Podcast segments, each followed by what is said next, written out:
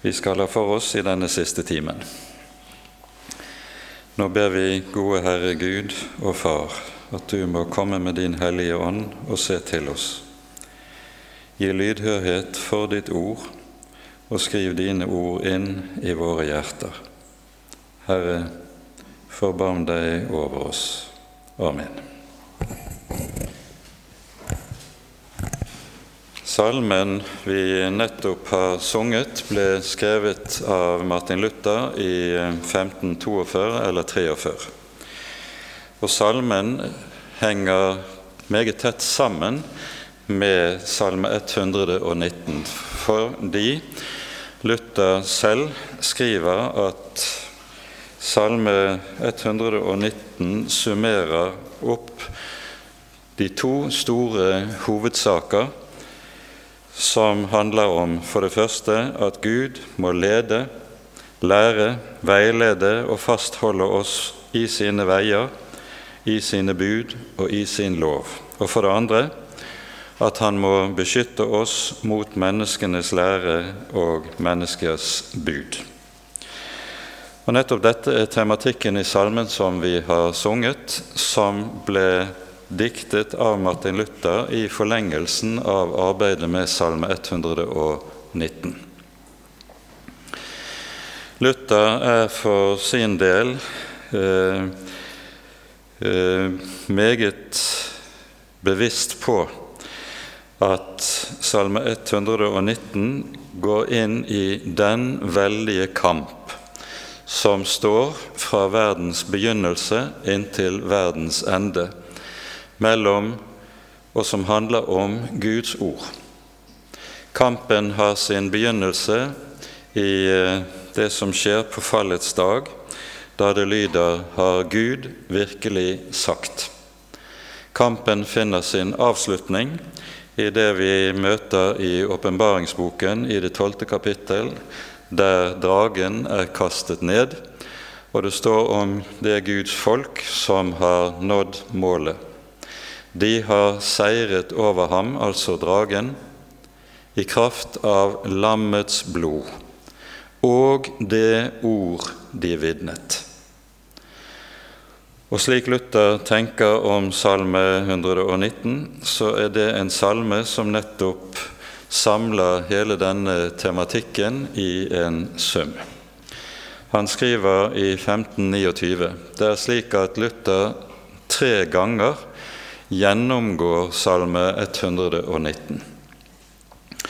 Og I gjennomgangen som vi hører i 1529, så skriver han slik.: Denne salmen er av en person som står for Gud og kjemper for Guds ords sak mot Satan og hans tjenere, som under skinn av hellighet bekjemper den sunne lære med vold, bedrag og alle knep i boken dette er en universell, voldelig og veldig kamp som raser fra verdens begynnelse og inntil dens ende. I 1539, ehm, ti år senere, så har ehm, hans venner i Wittenberg sammen med forleggere i byen planer om å utgi Luthers samlede eh, verker på tysk i eh, dette året. Luther setter seg kraftig imot dette.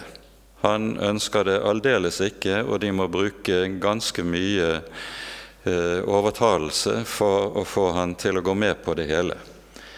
Og Luther sier i denne sammenheng at alle hans bøker er totalt verdiløse det som Guds folk må gjøre, det er å lese Bibelen.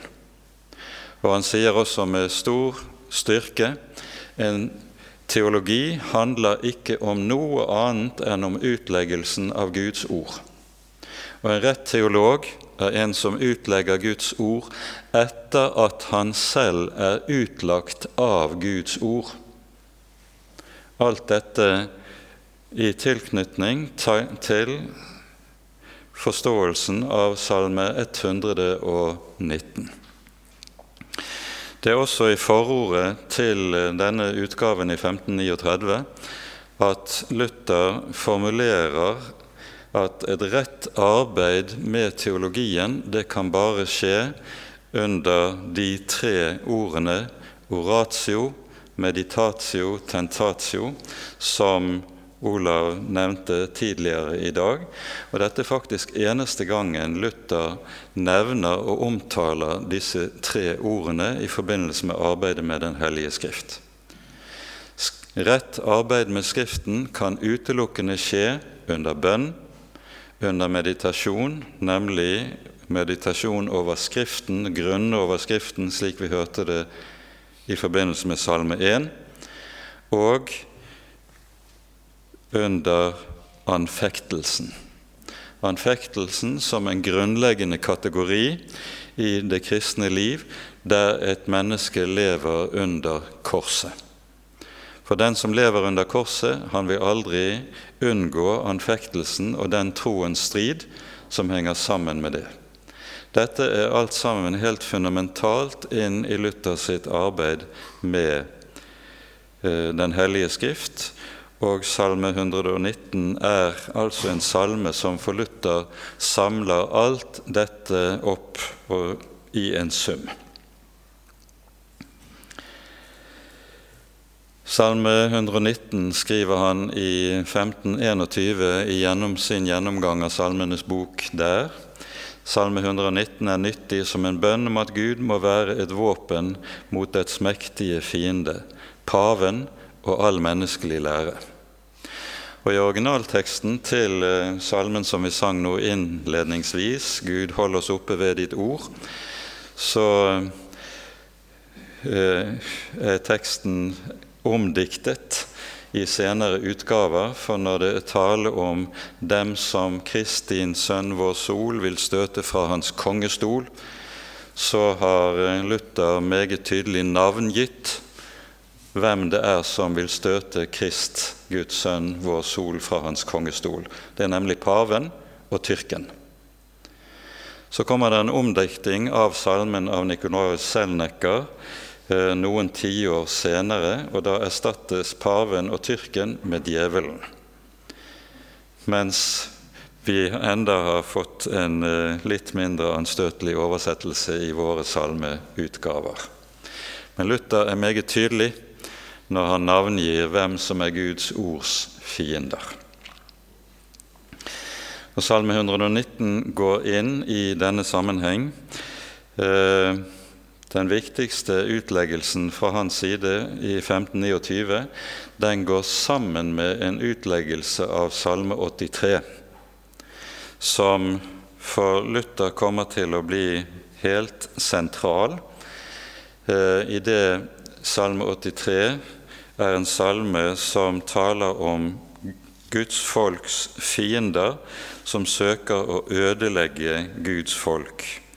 Salme 83 begynner slik.: Gud, ti ikke, vær ikke stille og hold deg ikke i ro, for se dine fiender larmer, de som hater deg, løfter hodet.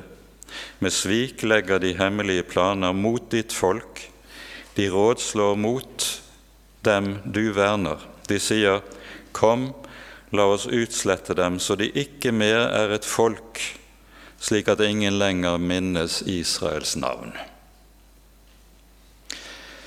Og Når Luther da taler om Guds folks fiender, så sier han dette er alltid ordets fiender. De som omtales som fiendene i Salmenes bok, både Salme 119 og ellers i Den hellige skrift. Det er slik Luther forstår det. Det er Guds ords fiender, og ganske særlig evangeliets fiender. Det evangelium som den reformatoriske oppdagelsen kom til å dreie seg om. Så arbeidet med Salme 119 kom til å bli uhyre betydningsfullt for Martin Luther. Denne salmen står jo i en særstilling i vår bibel. Ikke bare i kraft av sin lengde, det er Bibelens lengste kapittel, 176 vers, men også i kraft av sin tematikk. I det det er slik at ellers i Skriften og i salmene, når vi hører te tema for bønn, så er temaet temata regelmessig bønn om frelse, bønn om hjelp i nød, eh, lignende bønner av denne art. Men Salme 19 tematiserer bønn om at Guds ord må få plass, rom, i hjertet, få den plass som tilkommer det i et menneskes hjerte. Og Dette er ikke et typisk tema i Salmenes bok ellers, men i Salme 119 er dette hovedtema. Det er en bønn om at ordet fra Guds munn, det hellige ordet, skal ha den plass som tilkommer det i et kristent menneskes hjerte. Salmen er eh, det som kalles for en alfabetsalme, en akrostisk salme. Det betyr at den er bygget opp med det hebraiske alfabetet som et strukturerende element. Det er 22 bokstaver i det hebraiske alfabet. Og så er det da slik at åtte, de åtte første versene begynner med den første bokstaven alef i det hebraiske alfabetet. De åtte neste med eh, bokstaven bet, og så videre inn til den siste. Så det er 8 ganger 22 vers i Salme 119. Salmen begynner slik, og da er det på det vis at det er de tre første versene i salmen som ikke er bønn mens de øvrige vers i salmen på ulike måter er å forstå som bønn. Men de tre første versene begynner altså, og salmen begynner altså slik. Salige er de som går de oppriktiges vei, som vandrer i Herrens lov. Salige er de som tar vare på Hans vitnesbyrd, som søker ham av hele sitt hjerte, og ikke gjør urett men vandrer på hans veier. Her i det første verset møter vi en tematikk som er uhyre betydningsfull. Det sies 'salige er de som vandrer i Herrens lov'. Det står ikke 'de som vandrer etter Herrens lov'. Og Det er et avgjørende poeng som er uhyre betydningsfullt for oss å være oppmerksom på. Poenget er nemlig at her stilles vi overfor Guds ord som den verden et kristent menneske, et troende menneske, lever i.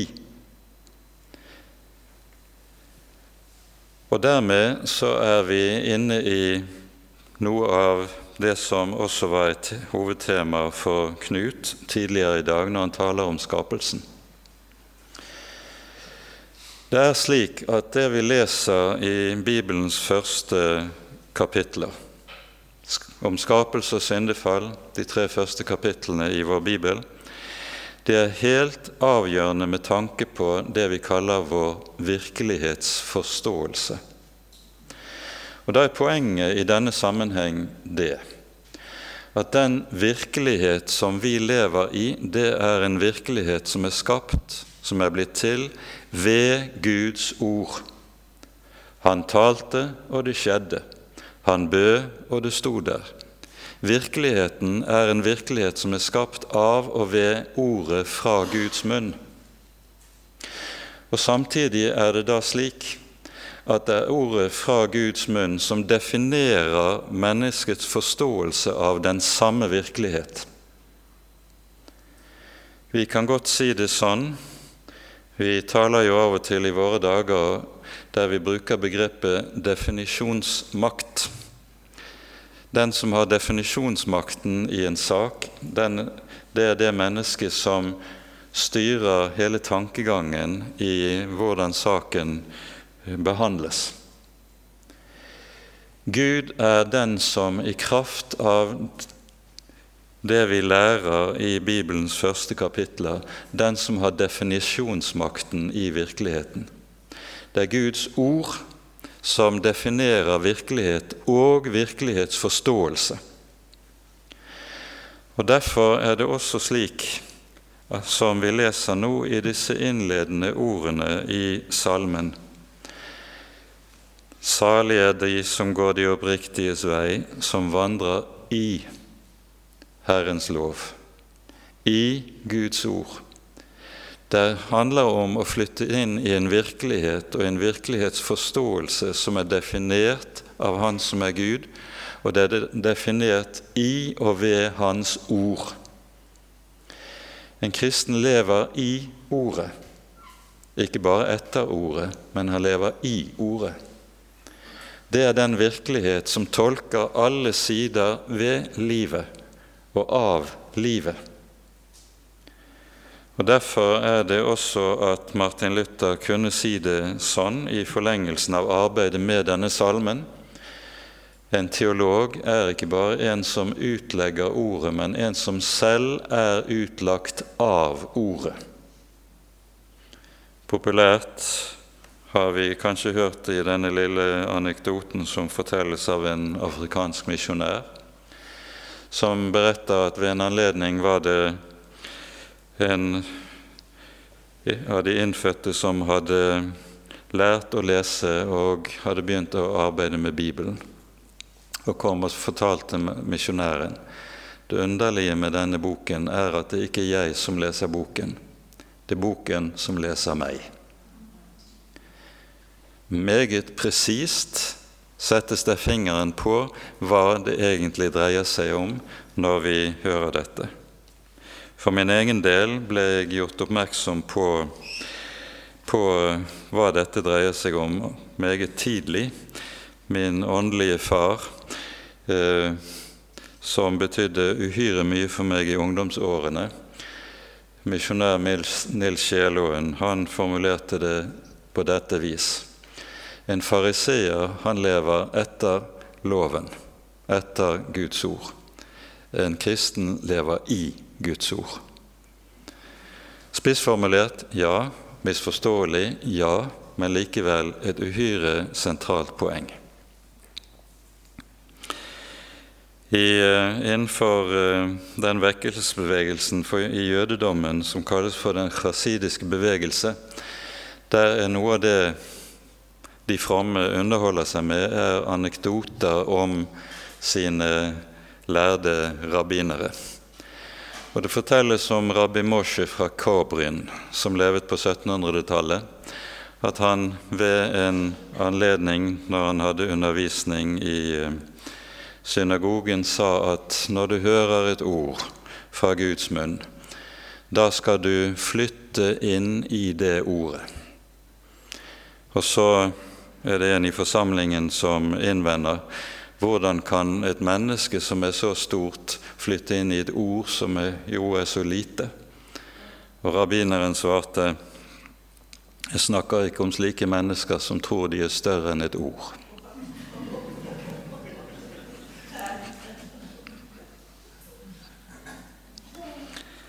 Det kan være nyttig å ta den slags med oss inn i arbeidet med Salme 119. For her står vi overfor et budskap og et ord som har det med seg at det ikke bare eh, definerer virkeligheten, men det definerer også oss og det vi kaller for selvforståelse. Og så er det med dette vi står overfor store problemer som har meldt seg innenfor forholdet til innen dagens moderne, postmoderne, postmoderne filosofi, hermeneutikken, og der virkelighetsforståelsen, hvilken virkelighetsforståelse et menneske har, er eh, et hovedtema for undersøkelse. Salmen svarer meget enkelt på dette. Det handler om å flytte inn i en virkelighet som er gitt av den levende Gud, og gis oss og rekkes oss i et ord. Og det å være et troende menneske, det å flytte inn i og bo i dette ordet, slik at dette ordet blir den virkelighet jeg lever i. For poenget er jo også at når du flytter inn i dette ord, da flytter du inn dit der den levende Gud bor. For han bor i sitt ord. Det er i dette ord du møter ham. Det er i dette ord du lærer ham å kjenne. Det er ved dette ord frelse, liv og salighet rekkes deg. Det er ved dette ord du får trøst i nøden. Det er ved dette ord du eier håp i møte med fremtiden. Dette ordet er et ord som har det vi kaller for bærekraft. I Isaiah-bokens 46. kapittel gjøres det narr av avgudene og avgudsdyrkelsen. Vi hører de babylonske avgudene skildres som gudebilder og guder som er tunge fordi de må bæres gjennom byen i prosesjon. Men slik er det ikke med Israels Gud. Han er ikke en du må bære omkring. Han er i stedet den som bærer deg. Og han bærer nettopp i og ved og igjennom sine ord. Det er et ord som bærer, og det er et ord som bærer Guds folk. Og dette er helt avgjørende i det vi står overfor. Det er noe av dette apostelen Paulus er inne på i sin avskjedstale til de eldste i Efesos, som vi hører i um, apostelgjerningens 20. kapittel, der Paulus etter å ha summert opp sin virksomhet i Efesos, så sier han så overgir jeg dere til Gud og Hans ord. Den kristne menighet er overgitt til Guds ord. Det er ikke bare slik at ordet er overgitt oss, men vi er overgitt dette ord. Og det å være både en kristen og det å høre til Guds folk, det er å dele skjebne med dette ord. Ordet er vår skjebne. Det er den verden du flytter inn i og lever i og med Herren i kraft av dette ord. Og Det er det som er poenget med hele salmen slik som vi møter den. Det er en konsekvens som settes ord på her i allerede i noen av de første versene i salmen. I vers 19 sies det:" Jeg er en gjest på jorden. Skjul ikke dine bud for meg. Den som lever i dette ord, vet samtidig at han er blitt en pilegrim, en gjest, en fremmed her i verden.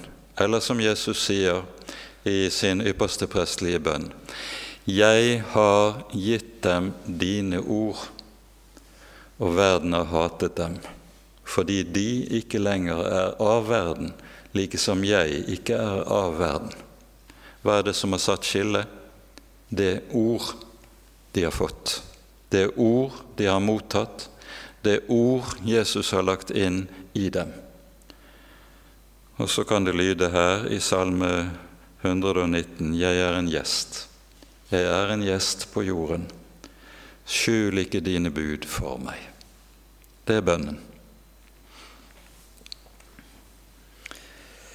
Som eh, Olav var inne på i sin time, så skal vi være oppmerksom på at begrepet lov, slik det er omsatt i eh, våre bibler, begrepet Torah, det betyr egentlig undervisning eller veiledning. Og Dermed så er det et ord som omfatter, når det anvendes slik her, omfatter hele frelsesåpenbaringen. Ellers er det slik i Salme 119 at det er en salme som anvender åtte ulike begreper i grunnteksten for Guds ord.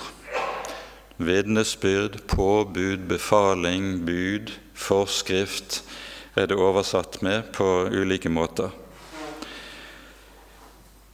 Og eh, hver av disse ulike begrepene har sin særlige betydning, som ikke alltid er like lett å få fatt i når vi leser våre oversettelser.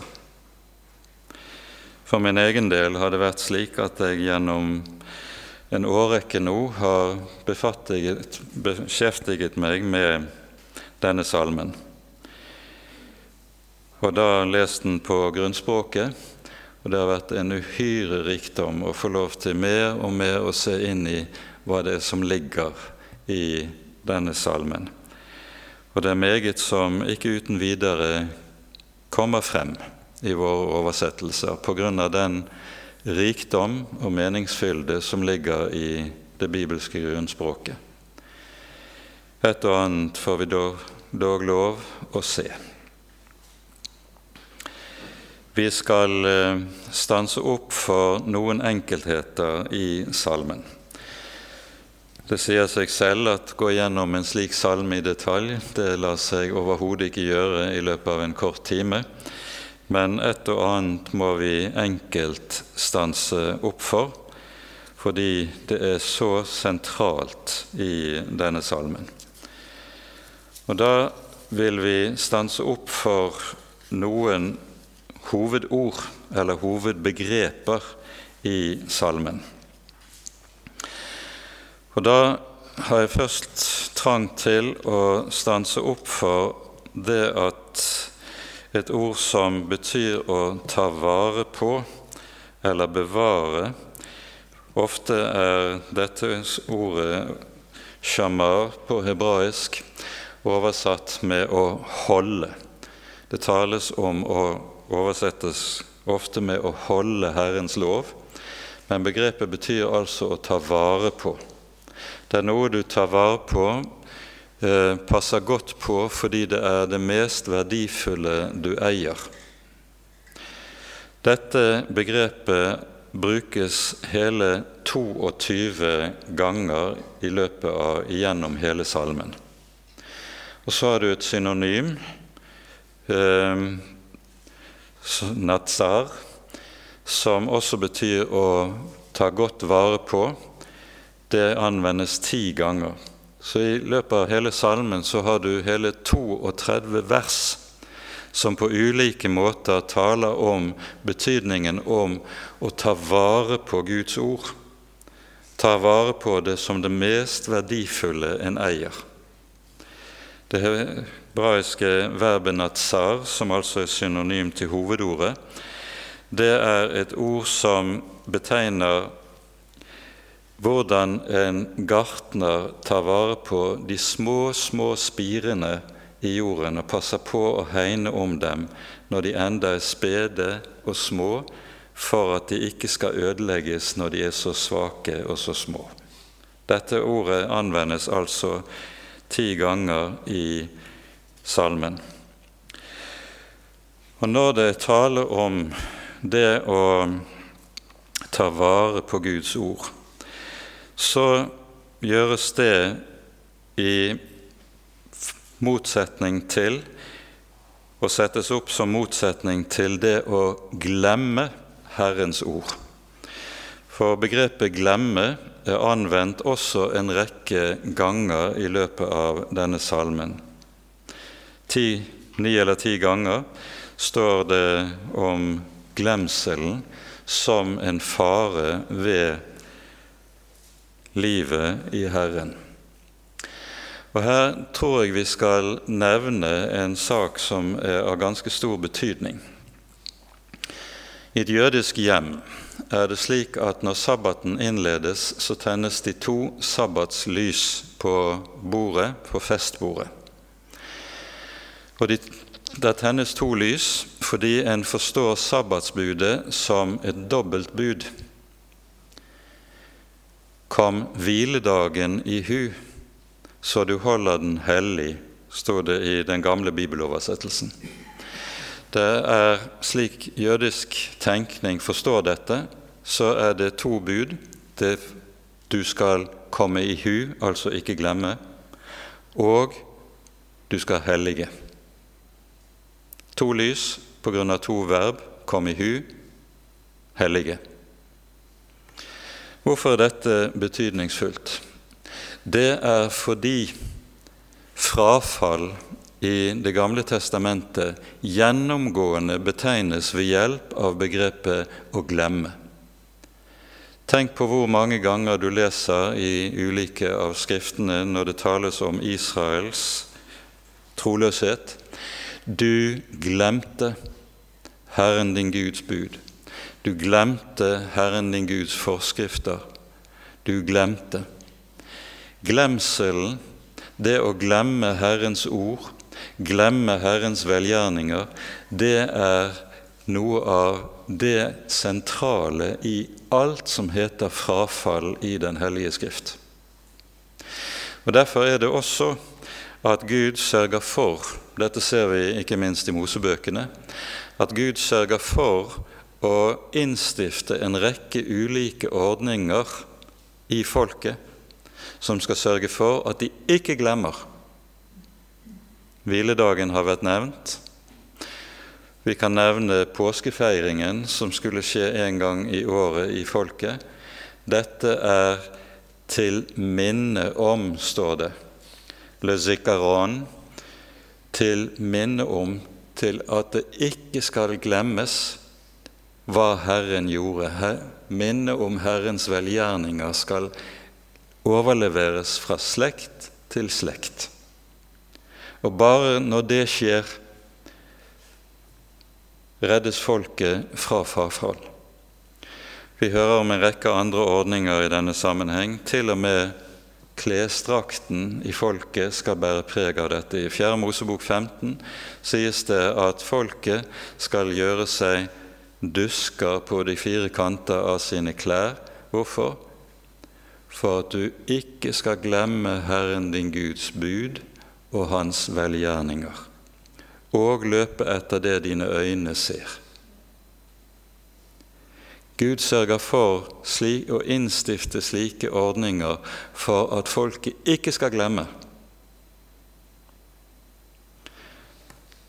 Og det kan kanskje være noe som eh, kan være av sentral viktighet for oss i vår tid å ha for oss.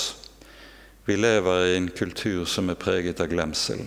Historieløshet, rotløshet, en kunne godt kalle det en kollektiv amnesi råder i store deler av vår kultur. Og det er et av de trekk som på avgjørende måte er truende overfor overleveringen av kristen tro til de generasjoner som kommer. I vers 93 i salmen leser vi slik til evig tid skal jeg ikke glemme dine befalinger, lyder det, for ved dem har du holdt meg i live.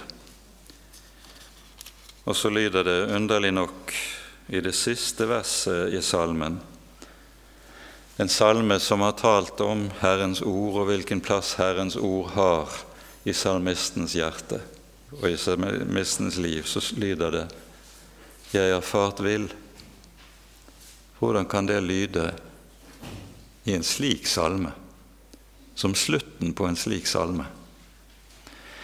Det sier oss noe om at her er det et menneske som trass i at det lever i Guds ord, allikevel ikke har en selvsikkerhet som gjør at jeg tenker 'jeg har det, jeg kan det, jeg vet det',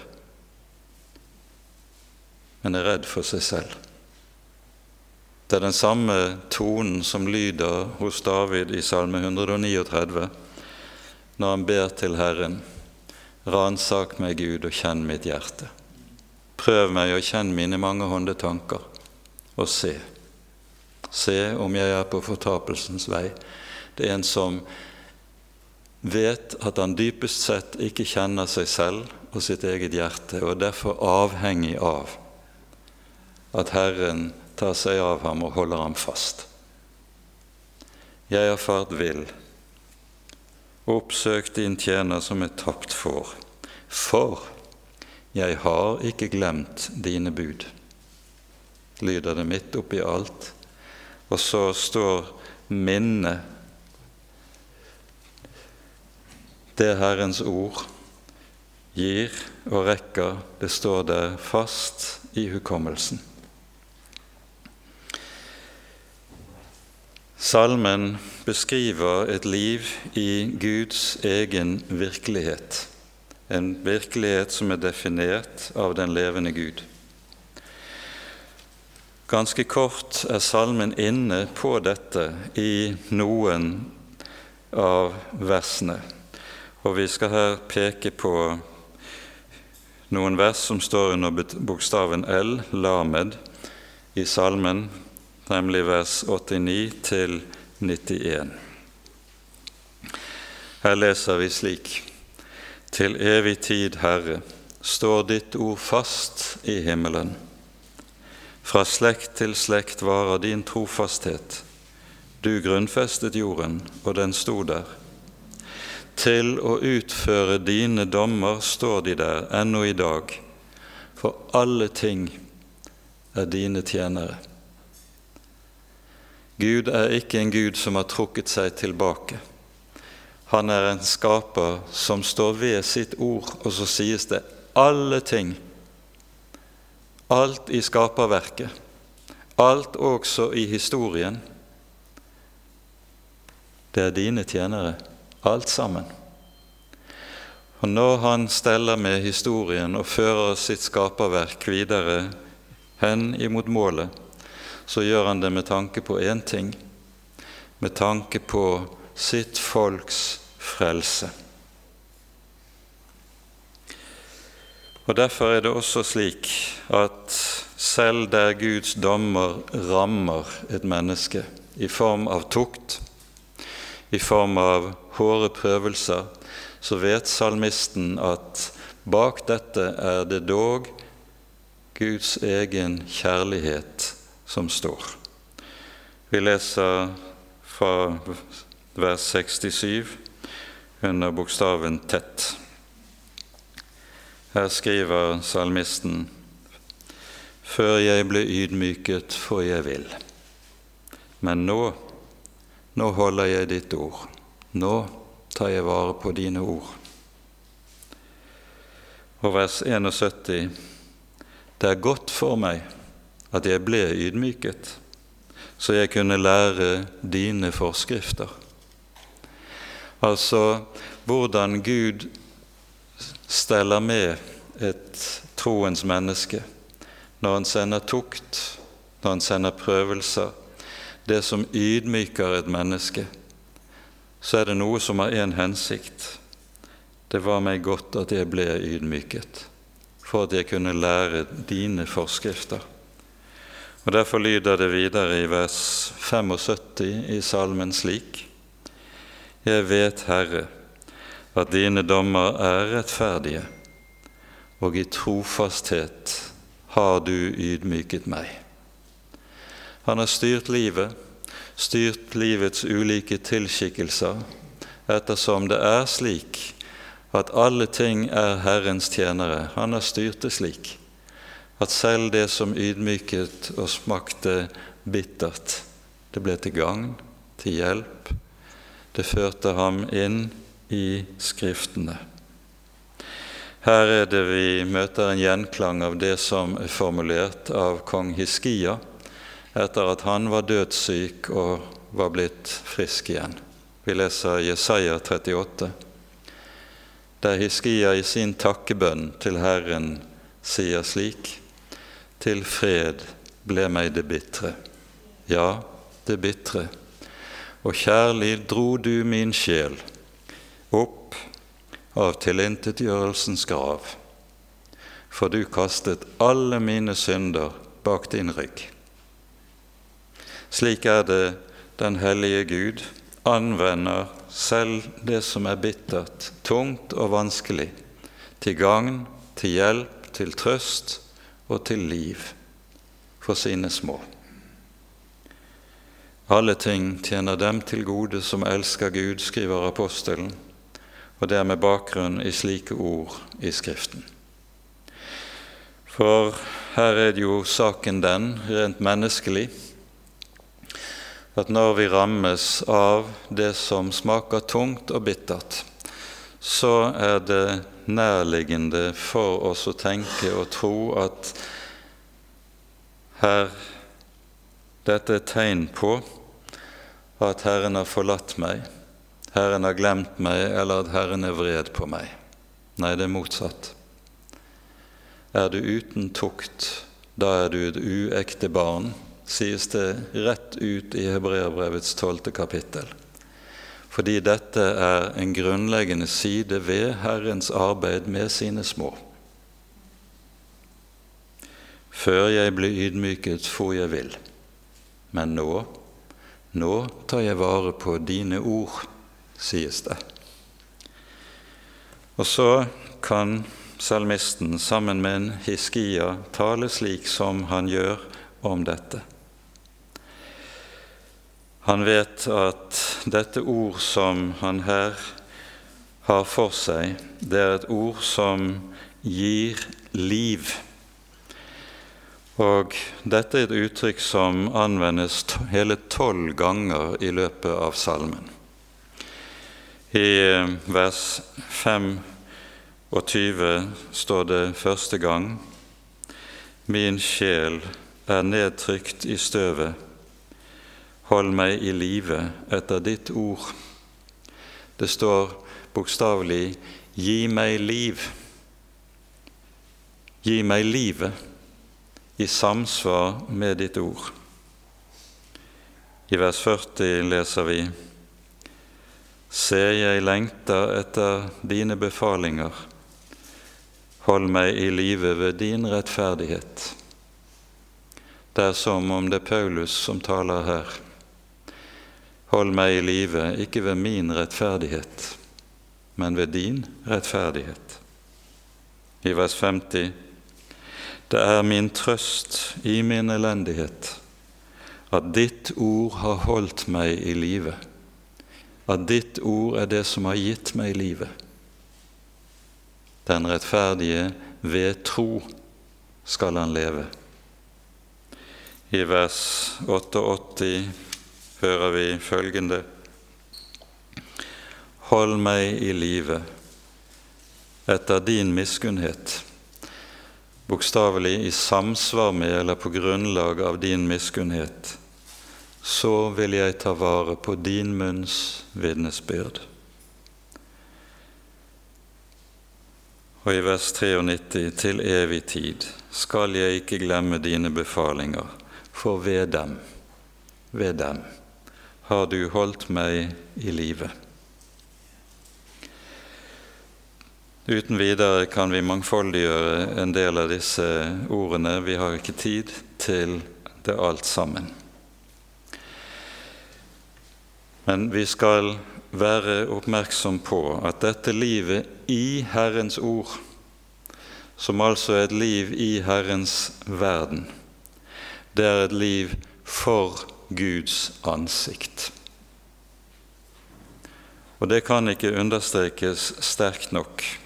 Her skal vi peke på vers 168, der vi leser følgende Jeg har holdt, altså jeg har tatt vare på dine befalinger og dine vitnesbyrd. For, sies det, alle mine veier er for ditt åsyn. Her peker vi ganske kort på et par grunnleggende hovedsaker. Ordet som altså er oversatt 'Jeg har holdt dine befalinger', det er det verbet som betyr å ta vare på. Ta vare på som det mest verdifulle en eier. Og så sies det det er to ting som er tatt vare på. Herrens befalinger. Det er det som er gitt oss i Guds bud og forskrifter du skal og du skal ikke. Et Guds barn elsker Guds hellige lov. Det er et kjennetegn ved å være et sant Guds barn. Et sant Guds barn forakter ikke Guds hellige lov. et Guds barn elsker loven. Fordi loven er en åpenbaring av Guds hellighet. Og nettopp denne hellighet er det en lukkes inn i gjennom å bli et Guds barn. En kommer til å høre det, tilhøre det hellige folket, der den hellige er den som helliger sitt folk. For det annet jeg har tatt vare på dine vitnesbyrd. Guds vitnesbyrd er vitnesbyrd om Hans store gjerninger. De gjerninger Han har utført til vår frelse, til liv og til salighet for oss. Det er altså evangeliet. Og så kunne du godt si det slik med nytestamentlig språk at her er det en som tar vare på Guds lov og Guds evangelium. Og hvorfor? Jo, det sies for alle mine veier er for ditt ansikt.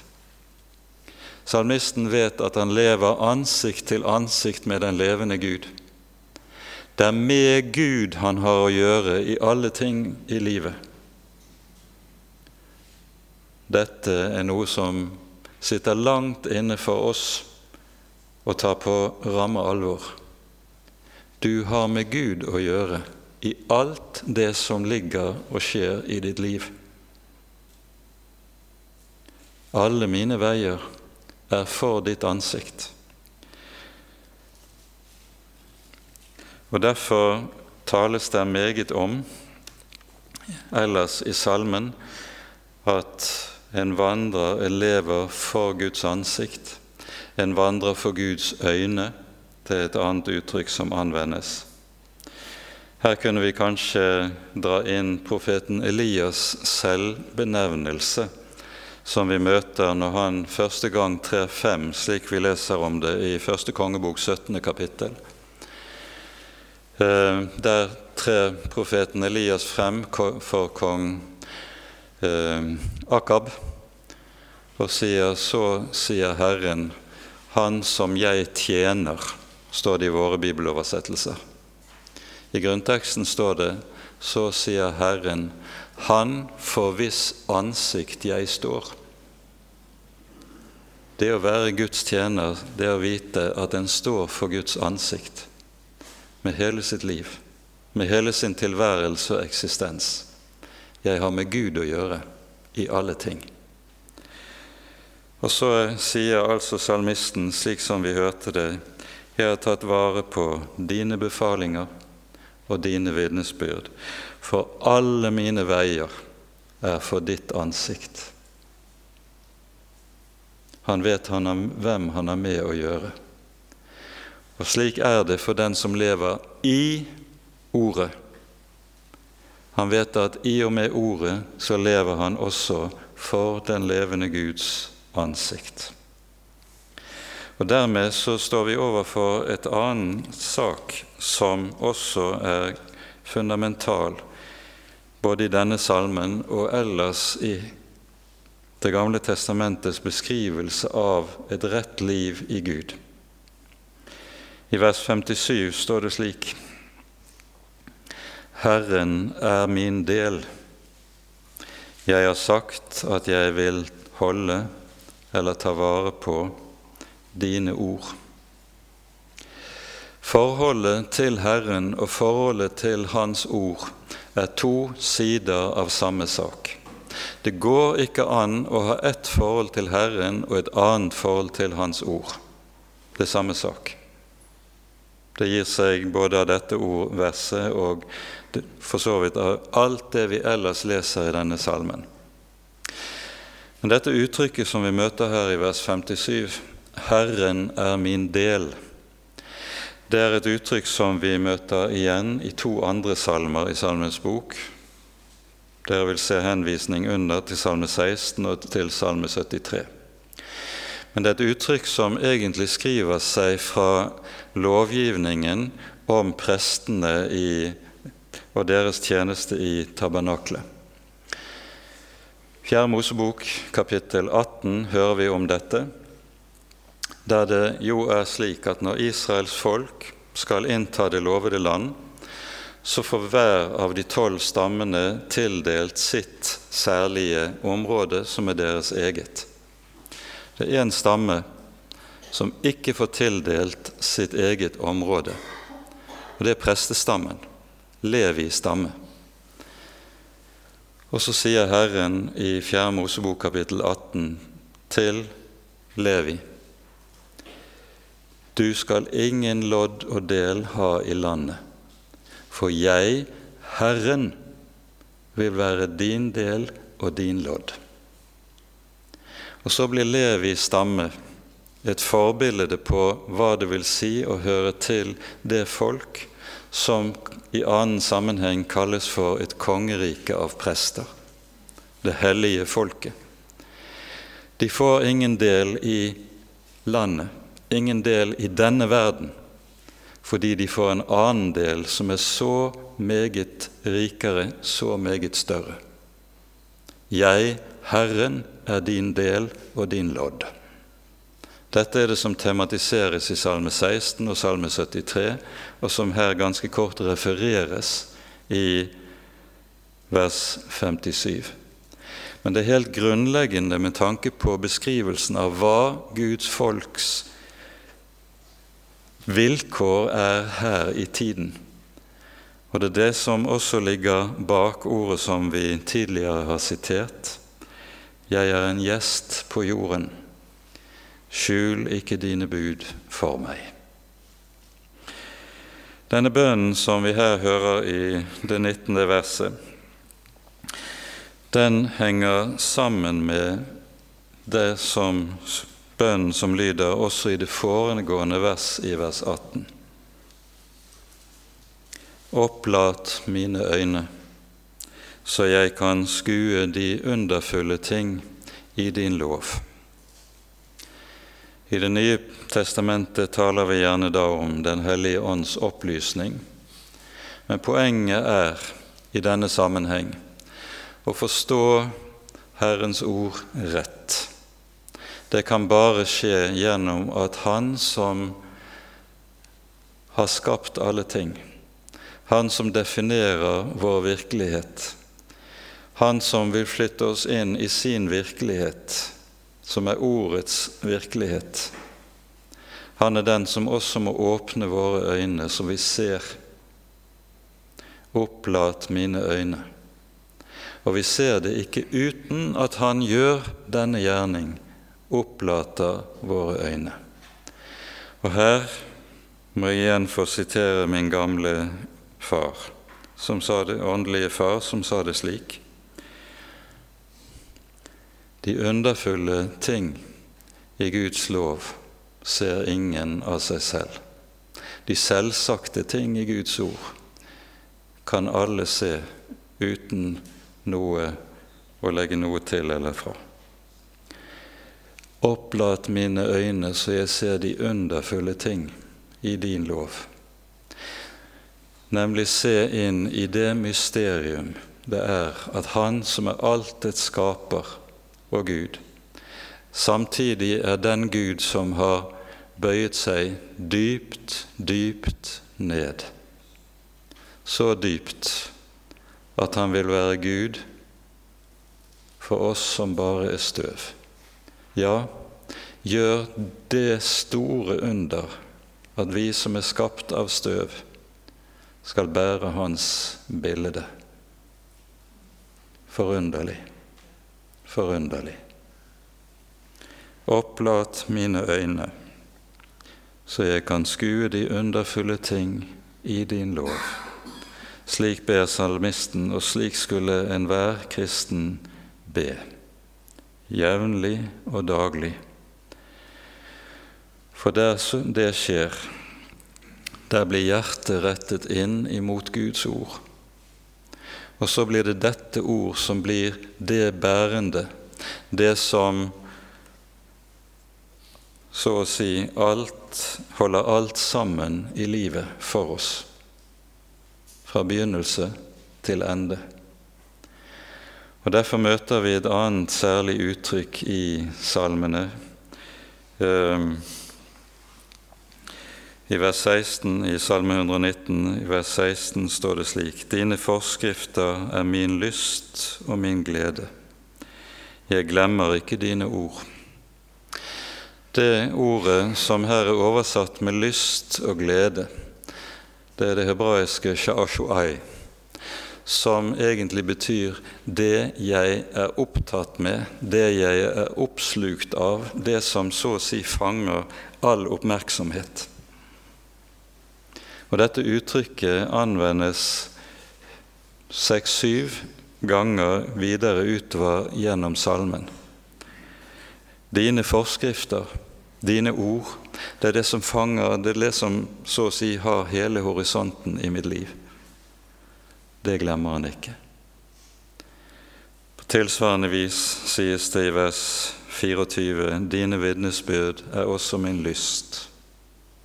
De er mine rådgivere. Det er fordi han lever i Ordet, at Ordet også kan være det som gir råd. Det er det som gir vei gjennom livet. Og så møter vi disse uttrykkene på ny og på ny gjennom hele salmen. Av denne grunn er det også slik at vi hører at salmisten har en veldig lengsel etter å få lov til å se. Se dypere inn i dette ord, leve i dette ord, og ved ordet stå for sin skapers ansikt. Vers 82.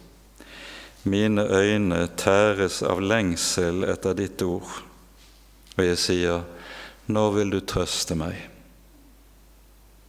Tæres bort av lengsel etter dine ord. I vers 123.: Mine øyne blir matte. Slik speider jeg etter din frelse og etter din rettferdighetsord. Det er lengselen etter Herrens ord. I jødisk tradisjon kommer dette til uttrykk på en særlig måte. Det er faktisk lovbestemt at når eh, en går til synagogen synagogebønnen på sabbaten, så sies det uttrykkelig da skal du skynde deg fordi du går til noe som du riktig lengter etter. Når du går hjem fra synagogen etter gudstjenesten, skal du gå langsomt og med slepende skritt, som om du lengter tilbake og ikke vil gå derfra. Noe å tenke på for oss, kanskje.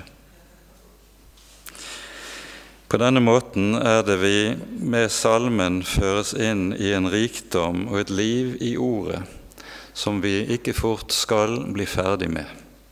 Men vi understreker dette grunnleggende, som er det overordnede perspektivet på hele salmen. Den salme som har tematisert bønnen om at Ordet skal få ha den plass som tilkommer det, og at jeg skal bo i dette ord som i min verden, i min virkelighet, som i mitt eget liv. For i dette ord er livet gjemt. Med det tror jeg vi setter punktum for denne timen, og så får dette være smakebiter, arbeid med ikke minst denne salmen på egen hånd, og blir ikke fort ferdig med den. Ære være Faderen og Sønnen og Den hellige ånd, som var og er og være skal, en sann Gud, høylovet i evighet. Amen.